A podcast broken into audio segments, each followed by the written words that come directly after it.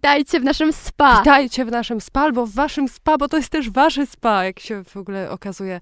Dzisiaj mamy temat, który idealnie pasuje do nazwy naszego odcinka, bo spa tak naprawdę e, z łaciny oznacza sanus per aquam, czyli zdrowy dzięki wodzie.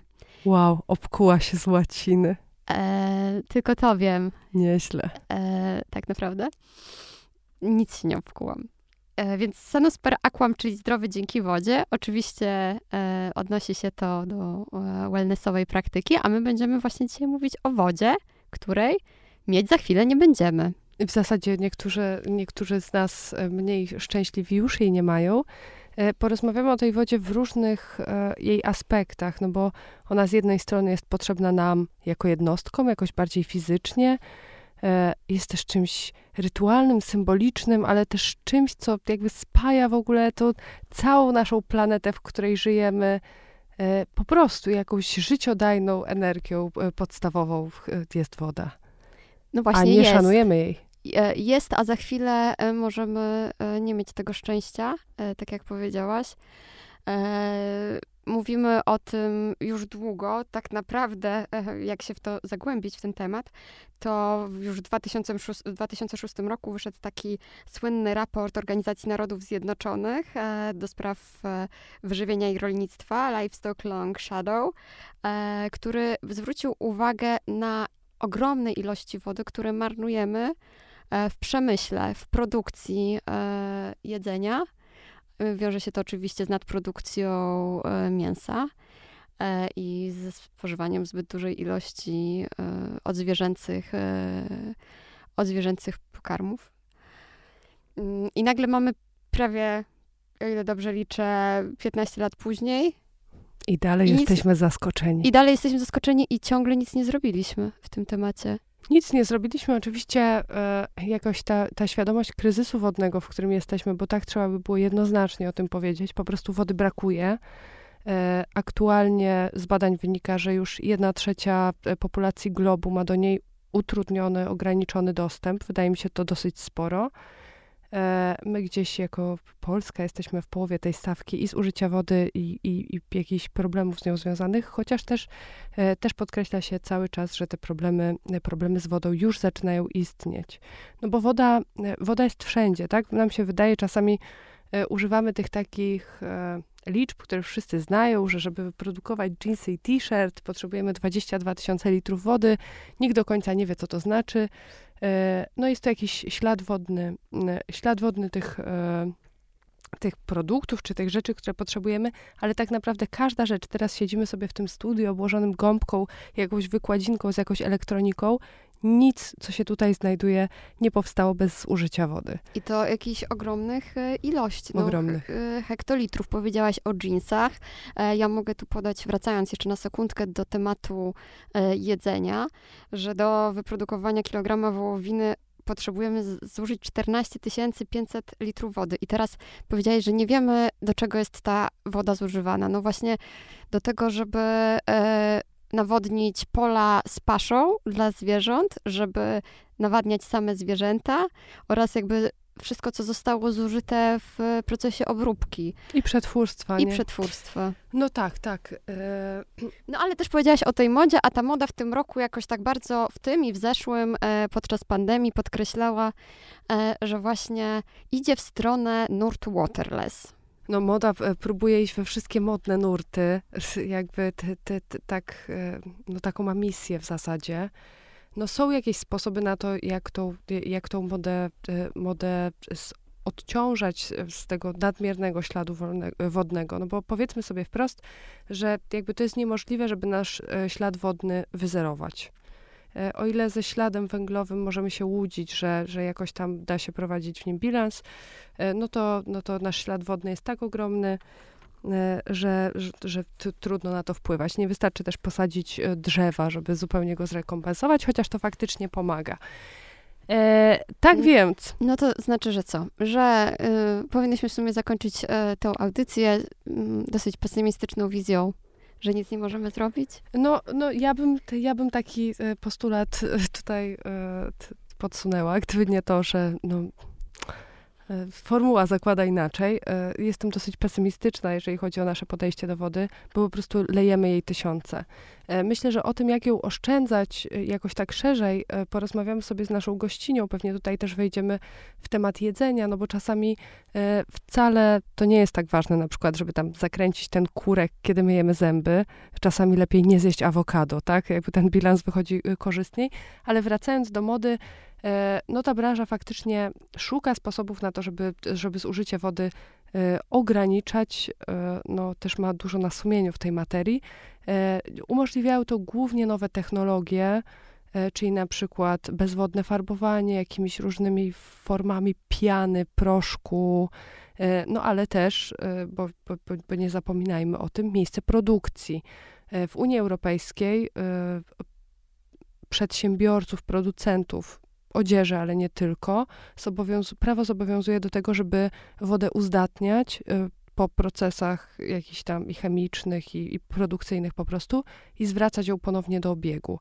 Y, w Azji, y, w Chinach, czyli tam, gdzie odzieży produkuje się najwięcej, takich przepisów już nie ma. Dla producentów to jest oczywiście możliwość, żeby zaoszczędzić trochę kasy, no ale dla tych społeczności, które tam mieszkają, no to jest po prostu dramat, tak? E, brak dostępu do wody czystej, no bo, no bo chodzi, mm, no ta woda jest, ona nie znika, tak? Tylko jest e, zwykle zanieczyszczona chemikaliami. Nam się też wydaje, że wody na świecie jest bardzo dużo. To jest nieprawda, jest to jakiś błąd poznawczy tutaj chyba działa, no bo z badań, które ja znalazłam, wynika, że do tej tej pitnej, do której jeszcze my mamy dostęp, możemy dotrzeć, e, pozwalają nam na to jakieś te, e, technologie tam wydobywcze, e, to jest 0,3% zasobów wody na świecie, czyli mimo, że to jest najpopularniejszy pierwiastek we wszechświecie, woda, nie pierwiastek, związek chemiczny, pozdrawiam wszystkich chemików i, i, i tak, no to, no to wcale, wcale jej nadmiar nie oznacza, nie oznacza tego, że nie będzie jej brakować. No tak, ten błąd poznawczy e, wynika z tego, że myślimy o oceanach pewnie e, i o tym, że deszcz pada z nieba, e, nie zastanawiając się nad tym, czy jest to woda właśnie, tak jak powiedziałaś, zdatna do użycia, tak? Bo co z tego, że w Azji płyną te rzeki, skoro są toksyczne? E, zwłaszcza te rzeki, które E, do których jest spuszczana woda z e, jakichś fabryk. No w Europie jest zupełnie odwrotnie, tak? My mamy tutaj za to obsesję do używania do wszystkiego wody w zasadzie pitnej, a tak naprawdę nie ma takiej konieczności często. Nie musielibyśmy się myć na przykład wodą pitną, tak? To, to, to nie stanowi dla nas zagrożenia, jeżeli ta woda była mniej czysta, czy na przykład, nie wiem, jakaś deszczowa? E, e, jeszcze mówiąc, o, e, powiedziałaś o tych ograniczeniach i regulacjach. Tu w Europie też jesteśmy no właśnie o tyle szczę może szczęśliwsi, że mm, jakby marki starają się robić coś w tym kierunku już. Jakby jedną drogą to bo powiedziałabym raczej dopiero, ale. No tak, dopiero, tak. Ja też zgadzam się. Powiedzmy dopiero. powoli są gdzieś tam wdrażane mm, pomysły na produkcję w obiegu zamkniętym wody. E, to się dzieje, no ale też e, produkcja produktów, które tej wody jakby nie wymagają, tak? I tu gdzieś mam na myśli ten rynek chociażby beauty, który chyba pierwszy jakoś tak e, zaskoczył z tym tematem, produkując kosmetyki w kostkach. I e, ja mam nadzieję, że ten trend się utrzyma i pójdziemy w takie Waterless Beauty 2.0 trochę.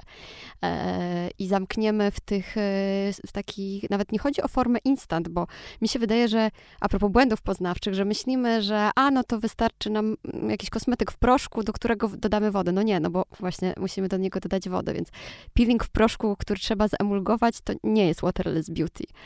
Tak samo Waterless Beauty nie jest nic, do czego tej wody ostatecznie musisz dodać, więc szampon w kostce, o ile z, z, zasady i z idei z Clean Beauty ma wiele wspólnego, chociażby to, że jest w papierowym e, opakowaniu i nie masz plastikowej butelki do zużycia i jest jeszcze bardzo skondensowany, więc tą jedną kostką e, umyjesz włosy tyle razy, co dwoma albo trzema e, opakowaniami szamponu, to i tak musisz dodać do niego wody, a chyba wyzwaniem, które podejmują już marki, mogę tu kilka wymienić, jest to marka Substract, marka Mono czy Forgo szwedzka, jest tworzenie kosmetyków, które tej wody nie będą potrze potrzebowały w ogóle.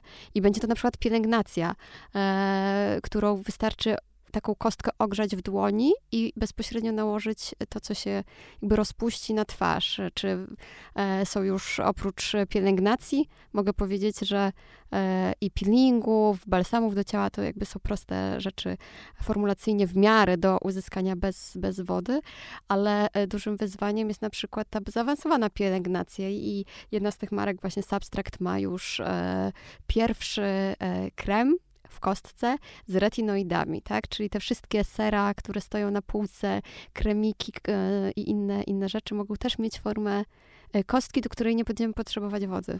No, wydaje mi się, że właśnie e, o, te, o waterless beauty, no bo na pierwszy, na pierwszy rzut ucha wydaje się nam, że chodzi o kosmetyki, które nie mają w sobie wody, a musimy jednak myśleć chyba bardziej o ich procesie produkcyjnym, o ich opakowaniach, no bo jak wiemy, to plastik tam wiąże tą wodę tak, że to nie wraca już do obiegu.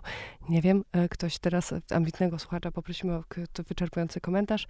E, opakowania, no ale też e, no, o ich składy, które potem koniec końców gdzieś z tą wodą e, i tak wylądują, tak? E, no i chodzi o to, żeby tej wody nie zanieczyszczać, oprócz tego, żeby jej nie zużywać tak? Czy, czy dobrze myślę? Tak, to są wszystko tak trudne wyzwania, że musimy chyba posiłkować się tutaj już naszą e, gościnią. Na szczęście jesteśmy wyposażone we wspaniałą gościnie.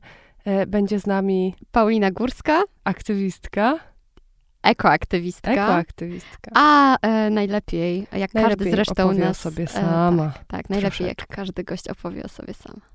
E, Kamila e, powiedziała, zapowiedziała troszeczkę ciebie. Nazwałyśmy cię ekoaktywistką i powiedziałyśmy, że najlepiej jak przedstawisz się sama. E, ja się nazywam Paulina Górska. I mówię o sobie, że jestem ekoedukatorką z takimi korzeniami dziennikarskimi, ponieważ przez kilka dobrych lat pracowałam jako dziennikarka, potem pracowałam w mediach. A dzisiaj zajmuję się edukacją ekologiczną w mediach społecznościowych ale też poza mediami społecznościowymi e, prowadzę zajęcia, wykłady, warsztaty, e, wspieram firmy w byciu bardziej zrównoważonymi, więc e, tak, to jest dużo rzeczy, którymi się zajmuję dzisiaj. A jak to się w ogóle stało, że będąc dziennikarką trafiłaś na taką ekościeżkę?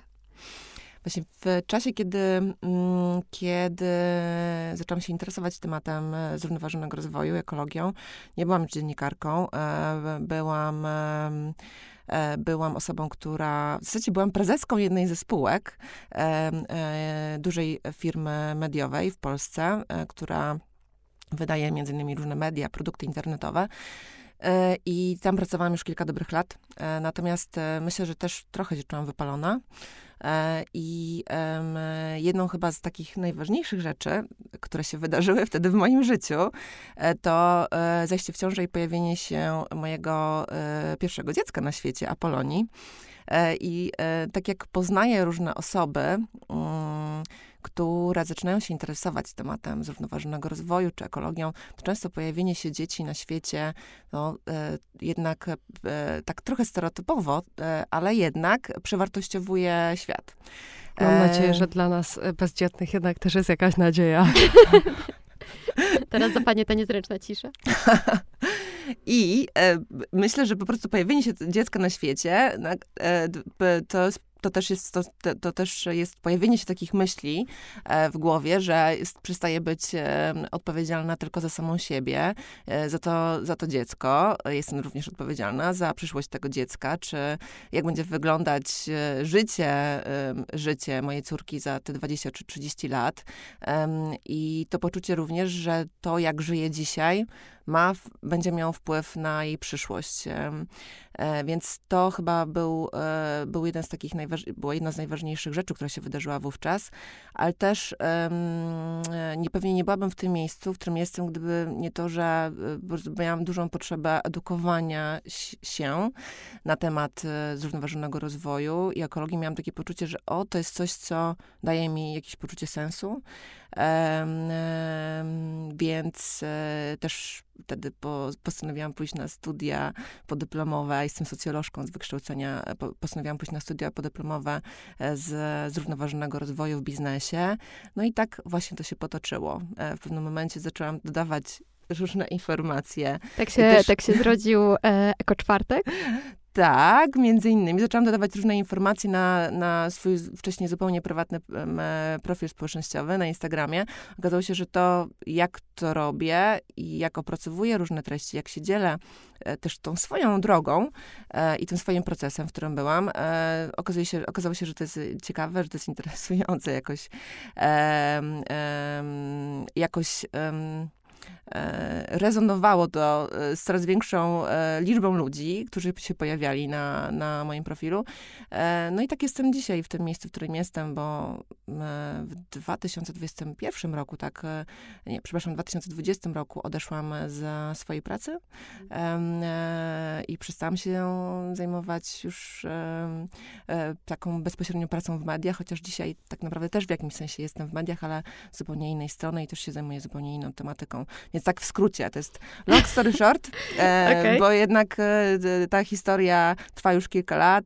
Ona miała swoje jakieś zloty i upadki i dużo takiego poczucia mm, braku bezpieczeństwa i tego, co dalej się wydarzy, czy te decyzje, które podejmuję też prywatnie, związane z, z moim rozwojem zawodowym, to jest najlepszy możliwy kierunek, e, w sensie, czy, czy, czy, czy, czy to jest dobry pomysł w ogóle odchodzić z korporacji, e, z, z pracy właśnie takiej pewnej e, i zacząć działać na własny rachunek i edukować na temat ekologii. No, to było wiele różnych pytań. To wcale nie było takie proste i, i szybkie, jak tutaj to przedstawiam, e, więc myślę, że warto, żebym tylko powiedziała, że, że to nie jest wcale taka łatwa droga, ale jestem otoczona wspaniałymi ludźmi, którzy mnie wspierają też, więc więc tak, my, też poza tym mam poczucie, że to, co robię, daje mi ogromne poczucie sensu i satysfakcji i to też mi pomaga. E, no bo powie, właśnie rozmawiałyśmy tu o, wodzie i praca w korporacji, korporacje jako takie są gdzieś na totalnie przeciwnym biegunie tego, o czym mówisz i co trzeba robić, co powinniśmy robić. I one są gdzieś ostatnie w tym łańcuchu też pod tym kątem, na czym im zależy, tak? Bo to jakieś wszelkie inicjatywy proekologiczne zaczynają się jednak w mniejszych firmach czy w bardziej... Mm, takich hermetycznych branżach. To ja mogę być tu trochę adwokatem korporacji. No to, One nie są takie złe. Adwokatem diabła. E, jako, że obie e, z Kamilą miałyśmy przyjemność pracować w niemieckiej korporacji. To było wannabe korporacja. Okej. Okay. E, no to słucham, jako teraz będziesz tą adwokatką. No może tylko tak po prostu chciałabym zaznaczyć, że, że, że to nie jest tak, że ta, ta, ta, zmiana, o której pewnie będziemy mówić, jest taka zupełnie oddolna, no bo jednak też wiele obszarów biznesu i te, te demonizowane korporacje w tą wa walkę o lepszą przyszłość, czy też chociażby o pracę nad jakimiś rozwiązaniami technologicznymi, e, jakiś know-how, e, no to są bardzo zaangażowane. No oczywiście czasami z egoistycznych pobudek, tak? Chcą, żeby im nie zabrakło e, surowców, albo chcą sobie zapewnić e, jakąś pewniejszą przyszłość, e, bardziej stabilną, no ale to, no to łączy nas z korporacjami. Chyba wszyscy tego chcemy. tak. Tak, ja też mogę trochę powalczyć o korporacje, wiecie, bo na przykład jest taki wspaniały ruch, nazywa się B Corp. Nie wiem, czy słyszeliście kiedyś o Bikorpach. Kiedyś e, będziemy pracować w Bikorpach. Tak, mhm. tak. Na przykład Bikorpem jest dzisiaj Danon. E, to jest przecież duża korporacja międzynarodowa. E, Patagonia, która przecież nie jest małą mhm. firmą produkującą odzież, bo to, to jest duża firma, która sprzedaje na całym świecie. Ben Jerry, czyli znane wszystkim lody i wiele, mhm. wiele różnych firm mniejszych i większych. Chociaż oczywiście dużym firmom trudniej zostać Bikorpami, bo też muszą wykonać o wiele więcej pracy i po prostu mają bardzo duże struktury, wielu pracowników, wiele różnych oddziałów na całym świecie, więc tym bikorpem zostaje się trudno. A bikorpy to są um, korporacje właśnie też, ale też małe firmy, średnie firmy, które, um, które jako priorytet stawiają sobie zrównoważony rozwój, ale też takie działanie, które ma być działaniem wnoszącym wartość w środowisko, w życie społeczne, właśnie w tą społeczność lokalną, a nie e, jako priorytet e, pieniądze. Więc, więc ja mi się bardzo podoba ruch Bicorp i właśnie chcę tutaj zaznaczyć, że to nie, nie tylko e, są małe firmy, które działają na rzecz zrównoważonego rozwoju, ale też jest przecież trochę firm dużych, które nie są Bicorpami i też zaczynają coś robić, zmieniają swoje strategie. E, czasem e, my to nazywamy greenwashingiem, e, czyli tak zwanym malowaniem trawy na zielono. I tutaj też trzeba uważać, ale myślę, że zaczyna się duża, duża, duża zmiana.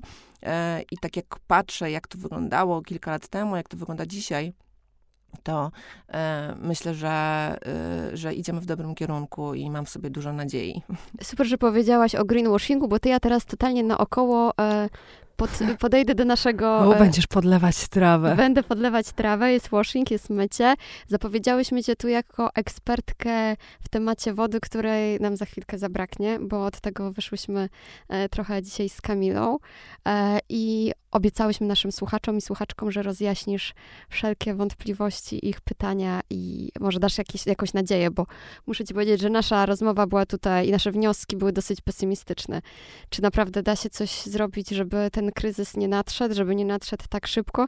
I co ten kryzys w ogóle oznacza? Bo tak mówimy, nie będzie wody, nie będzie wody, za 20 lat, 30 lat podaje się tam różne dane, różne daty, przepraszam. E, I, ale co to znaczy? To znaczy, że jak ja odkręcę kurek, to ta woda nie będzie lecieć? Czy to oznacza, że ja będę miała rację dzienną, wodną do zużycia e, wydzielaną mi przez jakiś organ państwowy? I jak ta przyszłość e, będzie wyglądać? No te scenariusze są różne, bo y, generalnie jeśli chodzi o wodę, to my jesteśmy trzecim od końca państwem Unii Europejskiej w, y, w kontekście y, ilości tych naturalnych zaso zasobów wody powierzchniowej i też um, jeśli chodzi o ilość wody, która przypada na mieszkańca, to jest trzy razy mniej niż średnia w Unii Europejskiej, więc tak może y, tylko y, jako wstęp lekko przerażający. Y, I oczywiście mamy też zmiany klimatu, mamy temat globalnego ocieplenia, katastrofę e, klimatyczną, kryzys klimatyczny, bo tak nazywajmy to po imieniu. E, to nie są problemy, tylko to jest kryzys, z którym się dzisiaj borykamy. E, więc e, skutkami tego kryzysu będą w przyszłości, jeśli nie będziemy redukować znacznie emisji dwutlenku węgla. E, I to może, mogą robić zarówno, może zrobić, robić zarówno biznes, ale też przede wszystkim muszą to robić państwa, e, politycy muszą działać w tym zakresie. Możemy to też robić my, jednostki. Zresztą ja uważam, że jesteśmy takimi naczyniami, naczyniami połączonymi. Wszyscy od siebie e, za, jesteśmy zależni i możemy też wpływać. To też jest taki argument dla tych, którzy uważają, że to, co robią jednostki, nie ma żadnego znaczenia. Myślę, że mamy wiele dowodów na to, że ma znaczenie to, co robimy. A możesz podać przykłady? Żeby tak dążył do tego, żeby był, by, był jakiś pozytywny wydźwięk. E, I żeby... Dzisiaj nie będzie pozytywnie. Chociaż ja tam ja widzę pozytywy nawet w zjawisku greenwashingu, więc e, może mój optymizm jest e, nadmiarowy e, w kontekście kryzysu wodnego, no ale no ale chciałabym, żebyś podała jakieś przykłady, bo rzeczywiście te baby steps w ekologii najpierw są takie trochę wyśmiewane. Tutaj zawsze przypominam te słynne rurki plastikowe arety szpury, gdy ona biegała na początku po warszawskich knajpach i wyrzucała je z tych, tych szklanek, w których stały, to wszyscy tak dosyć reagowali, no dziwnie. Teraz e, brak plastikowych rurek jest tak czymś, e, w zasadzie już jest standardem. No teraz wstyd się z jakąś wstyd, pokazać. Dokładnie. Tak, e, ja uważam, że ona zrobiła też, że ta akcja zrobiła dużo dobrego, bo, bo E, to też jest jakieś, to też jest budowanie świadomości i tematem były faktycznie plastikowe rurki, ale tak naprawdę to, to był jakby, ten temat był osadzony w szerszym kontekście, związanym z, ze świadomością ekologiczną, więc my takich akcji też potrzebujemy. E, więc jeśli chodzi o to, co my możemy mhm. zrobić, tak. e, to e, my zużywamy wodę w sposób bezpośredni, E, jak i pośredni. E, a bezpośrednio, no co, no, myjemy zęby, kąpiemy się albo w wannie, albo pod prysznicem. Możemy zakręcać e, kurek z wodą. Kiedy myjemy zęby, no, w ciągu minuty to jest nawet, nie wiem, 10, litrów, więcej, trochę mniej, ale to są, to są naprawdę ogromne ilości wody. To są takie proste, proste kroki. Możemy zbierać deszczówkę. Na przykład moi rodzice zbierają deszczówkę i e, ja dopiero w pewnym momencie sobie w pewnym momencie sobie, e, w pewnym momencie to zaobserwowałam i zauważyłam, pomyślałam, wow, chyba oni są nawet bardziej ekologiczni niż ja. No właśnie, byli ekologiczni zanim e, było to modne, można tak, byłoby dokładnie, powiedzieć. Dokładnie, dokładnie. Też mam poczucie, że często osoby mieszkające w małych miasteczkach e, bardziej uważnie pilnują tego, co kupują, żeby nie marnować, nie wiem, żywności. Właśnie zbierają deszczówkę, mają swoje kompostowniki i tak dalej. Więc chyba często są bardziej ekologiczni niż ludzie z dużych miast. Bo to jest ta gospodarność. Tak, tak, tak. To jest właśnie gospodarność, oszczędność. I e, możemy e, edukować na przykład swoje dzieci, jeśli chodzi o e, kwestię wykorzystania wody i takiego uważnego korzystania z wody, ale też jeśli chodzi o wykorzystanie wody mm, to pośrednie, no to tak naprawdę to jest, bo mówimy o tym śladzie wodnym, czyli o tej świadomości, że wszystko to, co kupujemy i czego używamy, do tego potrzebna była woda w jakimś tam momencie, nie wiem, produkcji, czy w całym tym procesie, w łańcuchu produkcji danego, nie wiem, przedmiotu, jakim chociażby jest, nie wiem, E, koszulka. Tak, mówiłyśmy tu o modzie, o modzie i o e, kosmetykach. no ale to jest chociażby o... energia nawet, e, tak, z której korzystamy na co tak, dzień. Tak, też żywność. Kiedy się zastanawiamy nad tym, co my możemy zrobić, żeby mieć jakich decyzji możemy dokonać, żeby nasze, e, żeby nasze nawyki nie stały się bardziej ekologiczne, albo żeby mieć ten e, wpływ na środowisko mm, e, mniej szkodliwy, tak, to przede wszystkim powinniśmy myśleć o ograniczaniu jedzenia mięsa. Na kilogram wołowiny potrzebujemy kilkunastu tysięcy, wyprodukowanie kilograma wołowiny potrzebujemy kilkunastu tysięcy litrów wody, e, więc w ogóle roślinna żywność wymaga mniej wody e, i, na jedzeniu roślinnym powinniśmy się przede wszystkim koncentrować. E, zresztą nie wiem, czy znacie takie, takie E, taki termin jak e, dieta planetarna, e, która jest właśnie polecana jako dieta, która jest dobra dla nas, dla naszego zdrowia, ale też dla planety, w szczególności w kontekście mm, w szczególności w kontekście tego naszego 2050 roku, kiedy to na planecie Ziemia ma mieszkać 10 miliardów ludzi, że będziemy musieli tego, tej żywności produkować o wiele więcej. Więc strasznie pewno... dużo E, strasznie dużo rzeczy. Strasznie dużo ludzi i A, strasznie, okay. mało, strasznie mało zasobów naturalnych się wydaje, no bo skoro już teraz jest nas no, zbliżamy się tak do 8 miliardów e, ludzi powoli na Ziemi. Będzie w sumie 10.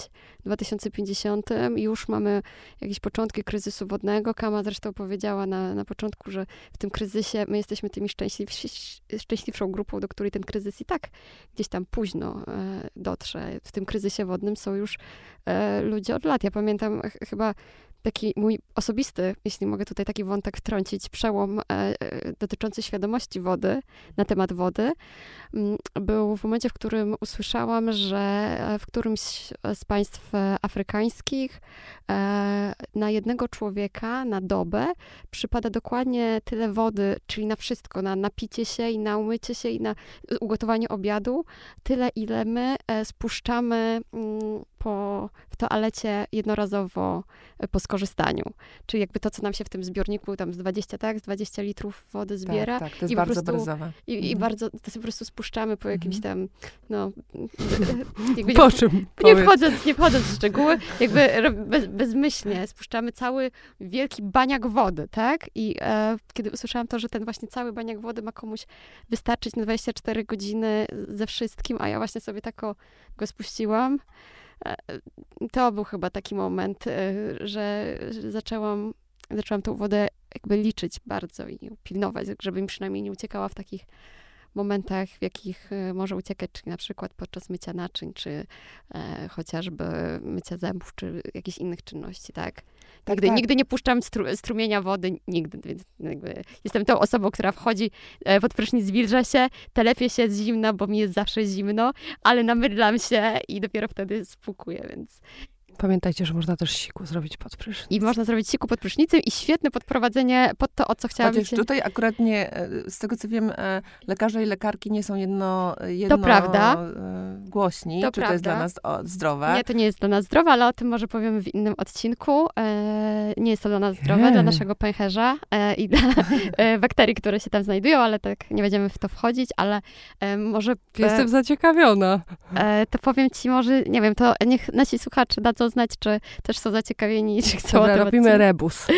A potem opowiem ci na razie to off the record, e, ale chciałam cię zapytać właśnie o te możliwe rozwiązania w gospodarstwach, oprócz zbierania deszczówki, e, czy do tego 2050 wyrobimy się w jakichś takich domowych rozwiązaniach e, przetwarzających wodę, zamykających tą wodę w, I też w jeszcze- obiegu. Tak. Tak. bo tak naprawdę chodzi o to, żeby ta woda była zamknięta w obiegu i żeby nie tracić jej. No bo jeśli e, wody wykorzystujemy ponad 100 litrów em, dziennie na Polaka średnio, a to też zależy od danych. e, i Zdarza mi się, zdarzyło mi się gdzieś widzieć dane, że to jest nawet 150 litrów dziennie.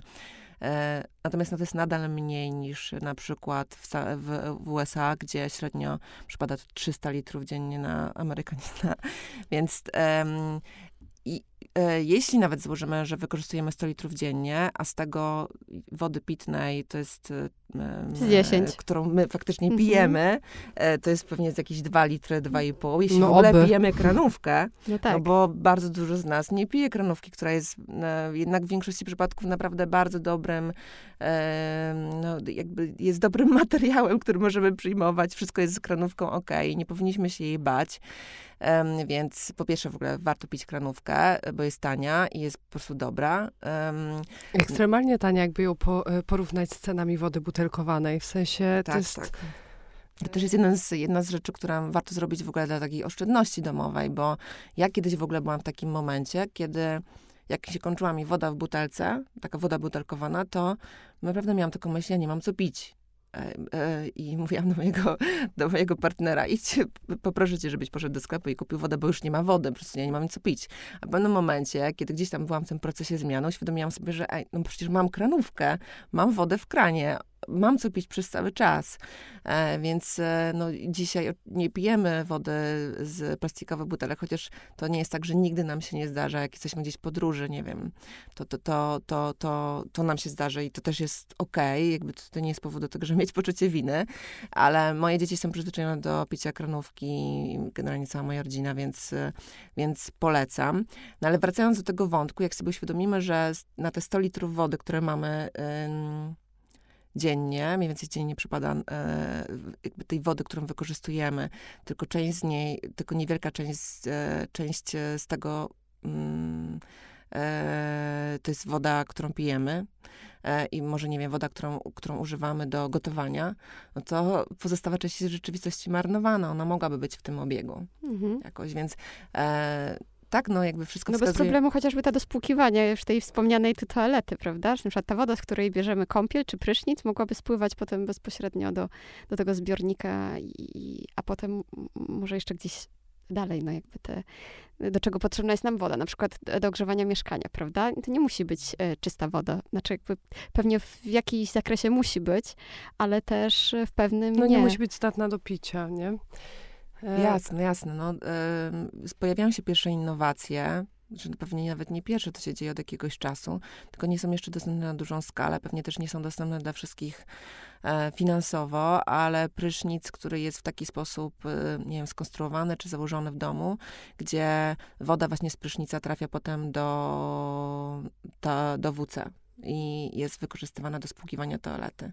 E, Więc e, no, takie, takie pomysły się pojawiają, takie innowacje się pojawiają i być może w przeciągu kolejnych 10 czy 20 lat em, nie wiem, mieszkania, domy będą e, też e, budowane, e, konstruowane, planowane w ten sposób, żeby ten obieg wody e, był lepszy, żeby, żeby ta woda po prostu krążyła w tym obiegu.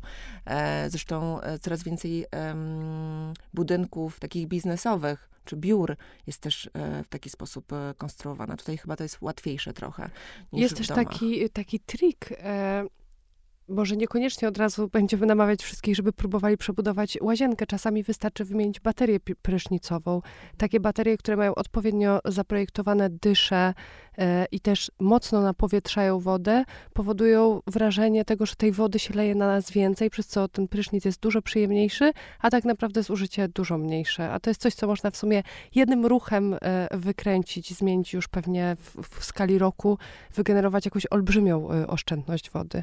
To samo e, mogę e, tutaj poradzić e, posiadaczom zmywarek lub osobom, które chciałyby kupić nową. Wystarczy czasami się bardzo dobrze wczytać, żeby uzyskać informację o tym, że wcale nie zmywarka z wysokiej półki ma taką funkcję, że zatrzymuje wodę z ostatniego płukania i wykorzystuje ją do płukania wstępnego w kolejnym myciu. Ja mam na przykład taką zmywarkę, a jest to zmywarka kupiona po taniości. Super! E, I ona zatrzymuje z boku, ma taki pojemnik e, i rzeczywiście tą ostatnią wodę e, zatrzymuje po to, żeby to pierwsze płukanie e, zrobić tą samą.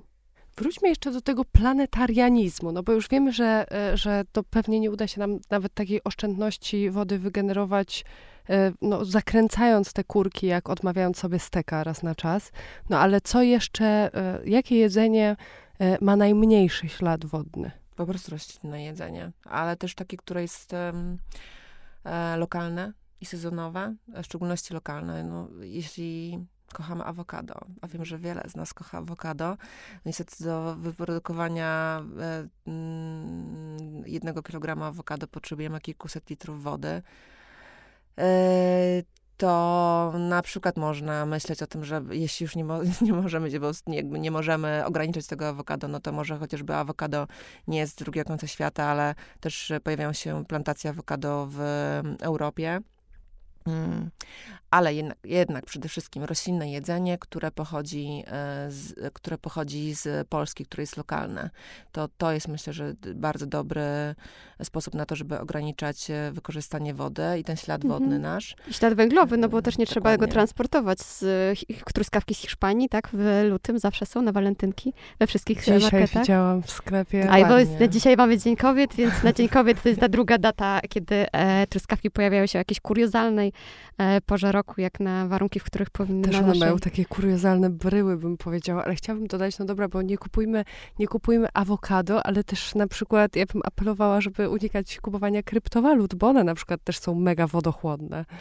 I e, tak naprawdę te pejzaże, pe, nie wiem, czy powinnam nazwać to e, pejzażem, pejzaże z jakichś e, miejsc, w których są te największe światowe kopalnie kryptowalut, a są tam od niedawna, wyglądają już tak jak pustynie po uprawach awokado. To też generuje no, przede wszystkim jakieś też ludzkie tragedie i społeczne problemy na tych terenach, czy to nie wiem, Kalifornia czy Kazachstan, nieważne. E, no właśnie, no a to tylko tak chciałam powiedzieć, bo, bo właśnie ta woda jest wszędzie, nawet tam, gdzie, gdzie my w ogóle jej nie widzimy. Tak, no i... tak, no, dokładnie. Myślę, że w ogóle jest bardzo ciekawym, ciekawą, ciekawym tematem jest to zaobserwowanie i zauważenie wody w tym wszystkim, z czego korzystamy. No bo w zasadzie do, do wyprodukowania większości rzeczy, jeśli nawet nie wszystkich potrzebujemy tej wody na jakimś etapie. Ja bym też powiedziała, że jeśli chodzi o żywność, to bardzo ważnym tematem jest to, żeby mniej marnować żywności, ograniczać marnowanie, bo jednak marnujemy wciąż na e, rocznie to jest 5 milionów ton żywności w Polsce, którą marnujemy. Część z, te, część z marnowanej żywności e, to są, to jest żywność, która jest marnowana przez gospodarstwa domowe, przez nas po prostu. I to też jest ponad 200 kg marnowanej żywności, średnio na Polaka przypada. Nie dość, że kupujemy awokado, to potem jeszcze e, omijamy, o tak, e, nie, nie, trafiamy w ten moment, kiedy jest dobre i już jest przegniłe i jeszcze je wyrzucamy. No to w sumie jest... można by wyżyć e, z, te, z tych 200 kg, które wyrzucamy. Spokojnie. Dla jednej osoby? Na pewno, na pewno wiemy, że jesteśmy w stanie wyżywić tym, to, tym wszystkim, co produkujemy e, cały świat, a jednak m, mm, przecież wciąż bardzo, bardzo dużo ludzi cierpi z głodu.